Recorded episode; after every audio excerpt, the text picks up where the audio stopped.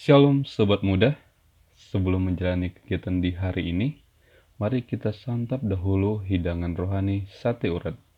Saat teduh pemuda Batrayat Batam. Agar tenaga iman kita terisi kembali dan cukup sebagai bekal untuk menjalani hari ini.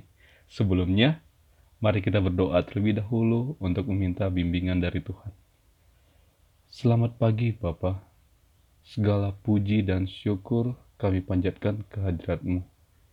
Terima kasih atas penyertaanmu sepanjang tidur malam kami. Bapa, pada pagi hari ini kami akan bersaat teduh.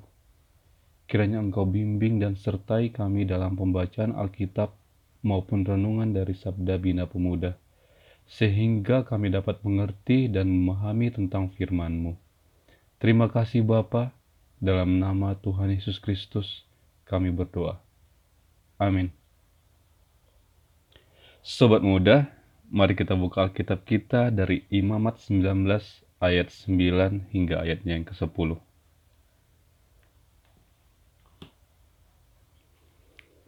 Mari kita baca bersama-sama.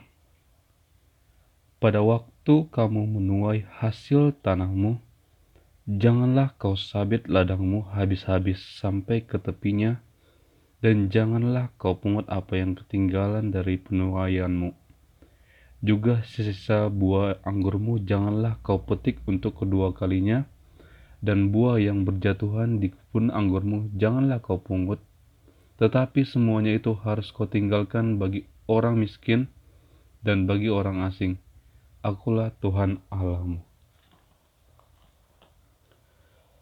Judul renungan kita pada hari ini adalah empati kepada yang memungut.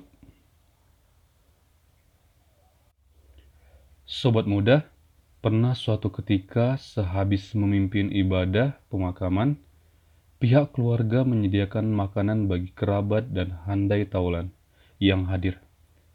Rasanya memang harus makan dahulu sebelum kembali, mengingat juga perjalanan pulang yang jauh dan sudah melewati waktu makan siang.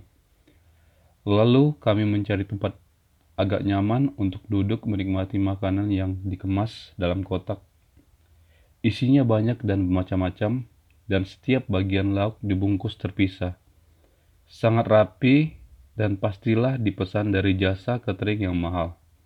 Selesai makan dan saat bersiap untuk pulang, saya melihat dua ibu dan beberapa anak kecil Mungkin anak-anak dari ibu-ibu itu, mereka mundar-mandir di sekitar kami, duduk.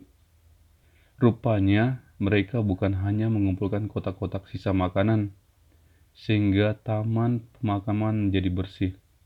Mereka mengumpulkan juga kerupuk dan lauk lainnya yang masih terbungkus rapi. Atau mungkin juga jangan-jangan dikumpulnya pula lauk tapi sudah dibuka dari bungkusnya yang menurut mereka masih layak. Apa yang saya lihat itu mengingatkan pada teks hari ini. Memang tidak harus kita mencari-cari kondisi area ladang seperti mau dibayangkan dalam teks. Kalaupun kita melihat perkebunan, ladang, sawah pada saat ini umumnya sudah tertata, memiliki penjaga sehingga orang tidak bisa masuk ke tanah milik orang lain. Tetapi bacaan firman Tuhan hari ini masih relevan bahwa di sekitar kita ternyata masih banyak orang yang berkesusahan, sehingga untuk bertahan hidup pun mereka harus memungut. Hari ini kita diingatkan firman-Nya untuk tidak serakah dan sedia berbagi. Etika Israel dibangun dan ditempatkan dalam bingkai agama.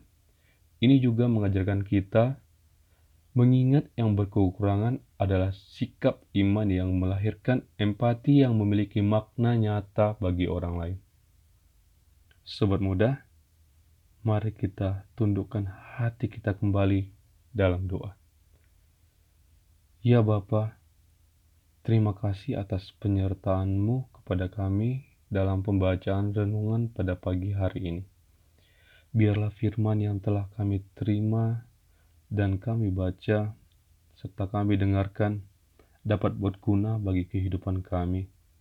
Ya Bapa, biarlah roh kudusmu menyadarkan diri kami untuk dapat berbuat bagi mereka yang kesusahan, mempunyai rasa hormat dan empati pada mereka, dan tidak sekedar kata-kata doa, tetapi juga melalui tindakan kami.